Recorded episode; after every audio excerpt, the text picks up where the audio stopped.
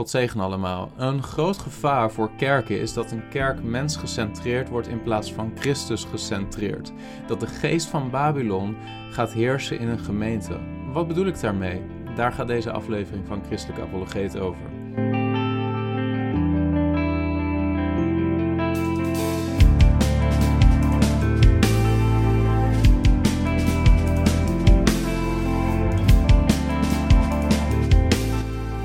Hebben over Babel of Babylon, dan komen we dat tegen al in het begin van de schrift. In het eerste boek van de Bijbel, Genesis hoofdstuk 11, vers 3 en 4. Daar zeggen mensen tegen elkaar, in vers 3...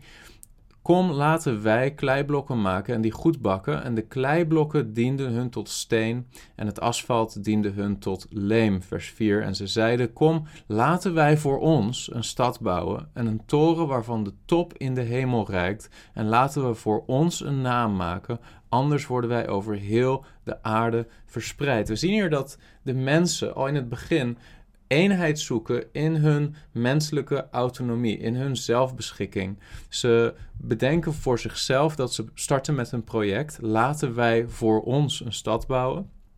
En ze willen een toren maken samen die tot in de hemel reikt met als doel, in de tweede helft van vers 4, laten we voor ons een naam maken. Ze doen dit tot hun eigen eer, vanuit hun eigen initiatief, door hun eigen kracht, vanuit hun eigen inzicht. Het is uit ons, door ons en tot ons. En zoiets zien we ook in Babylon een stuk later in de tijd, in Daniel hoofdstuk 4, waar het gaat over koning Nebukadnezar. Er staat in Daniel 4, vers 29, na verloop van twaalf maanden was hij aan het wandelen op het dak van het koninklijk paleis van Babel. De koning nam het woord en zei: Is dit niet het grote Babel dat ik als huis voor het koninkrijk gebouwd heb, door mijn sterke macht en ter ere van mijn majesteit? Dit woord was nog in de mond van de koning, of er klonk een stem vanuit de hemel: U, koning Nebukadnezar, wordt aangezegd: Het koningschap is van u weggegaan. Let goed op wat koning Nebukadnezar zegt.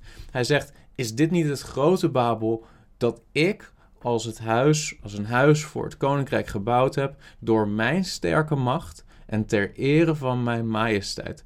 Ook Nebukadnezar zegt als het ware hetzelfde als die mensen in Genesis hoofdstuk 11 ten tijde van de bouw van de toren van Babel. Hij zegt: Uit mij, door mij en tot mijn heerlijkheid heb ik dit huis gebouwd.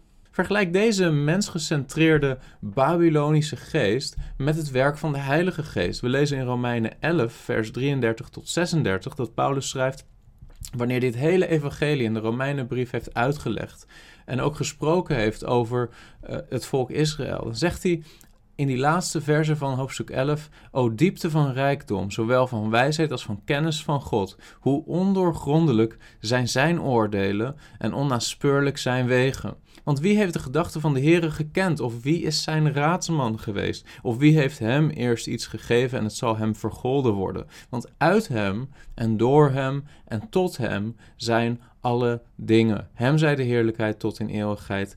Amen. De Heilige Geest zegt uit hem, en dat wil zeggen uit God, door hem, door God en tot hem, tot Gods eer, zijn alle dingen. Dit is een radicaal andere geest dan de geest uit de mens, door de mens, tot de mens.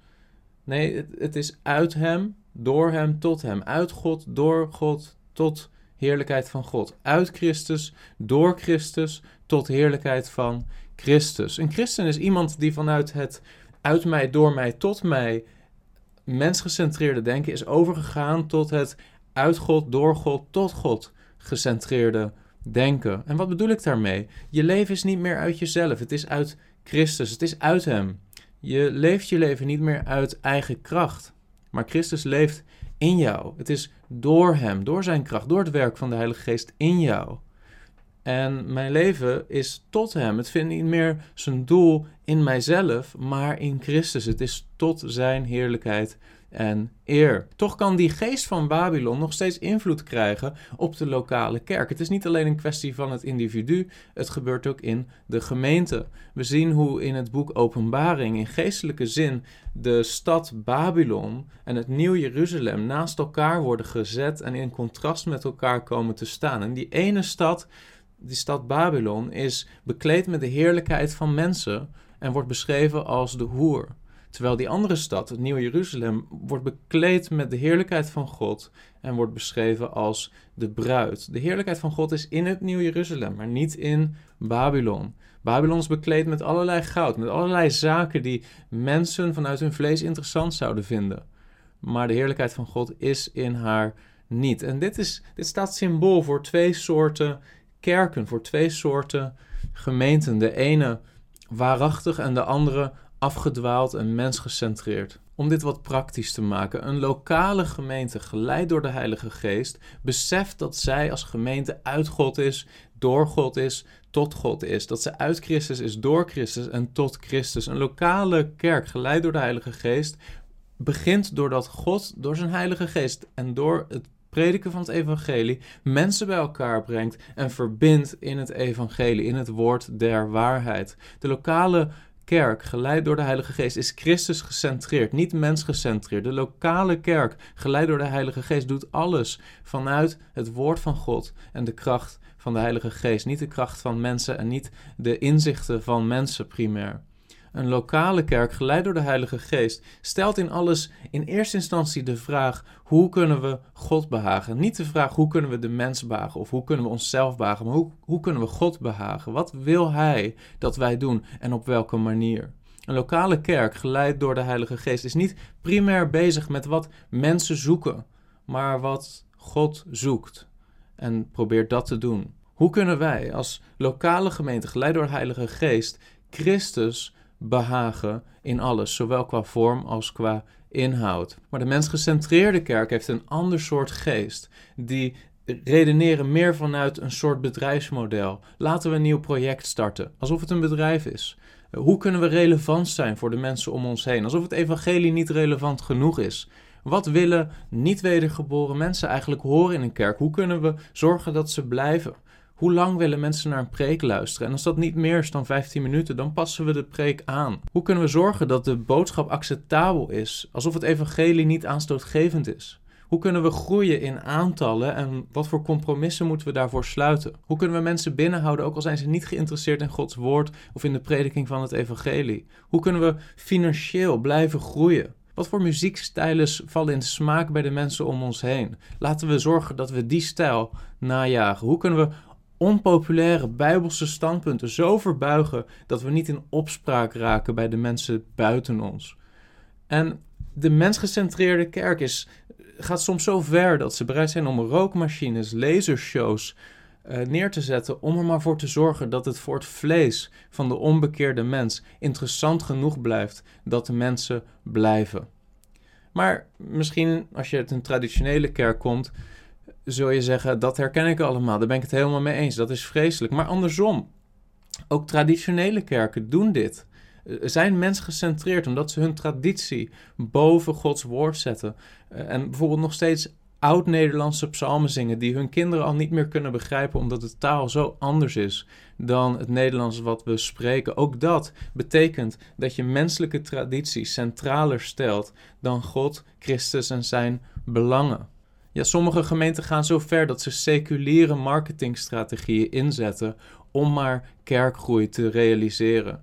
Maar lieve mensen, dat is de geest van Babylon. Dat is niet het werk van de Heilige Geest. Het werk van de Heilige Geest vindt plaats door de prediking zonder compromissen van het evangelie. En God brengt mensen bij elkaar. Een kerk is geen bedrijf, het is een lichaam. En de enige vraag die wij mogen stellen als leden en als leiders van een gemeente is hoe kunnen wij onze Heer behagen. We lezen in 2 Samuel hoofdstuk 6 over een man genaamd Uza die eh, op het moment dat de ark van het verbond wordt vervoerd op een kar met runderen, wat totaal niet de bedoeling is, hoe die kar dreigt te gaan uitglijden en die ark dreigt te gaan vallen en Uza zijn hand uitstrekt om die ark recht te zetten. Vervolgens lezen we dat de toorn van de Heere ontbrandt in 2 Samuel 6 vers 7 en dat God hem straft vanwege zijn onbedachtzaamheid. Een populaire, oude en inmiddels overleden predikant, Leonard Ravenhill, heeft hier ook over gesproken en hij zei dit. All he did was try to study the ark of God.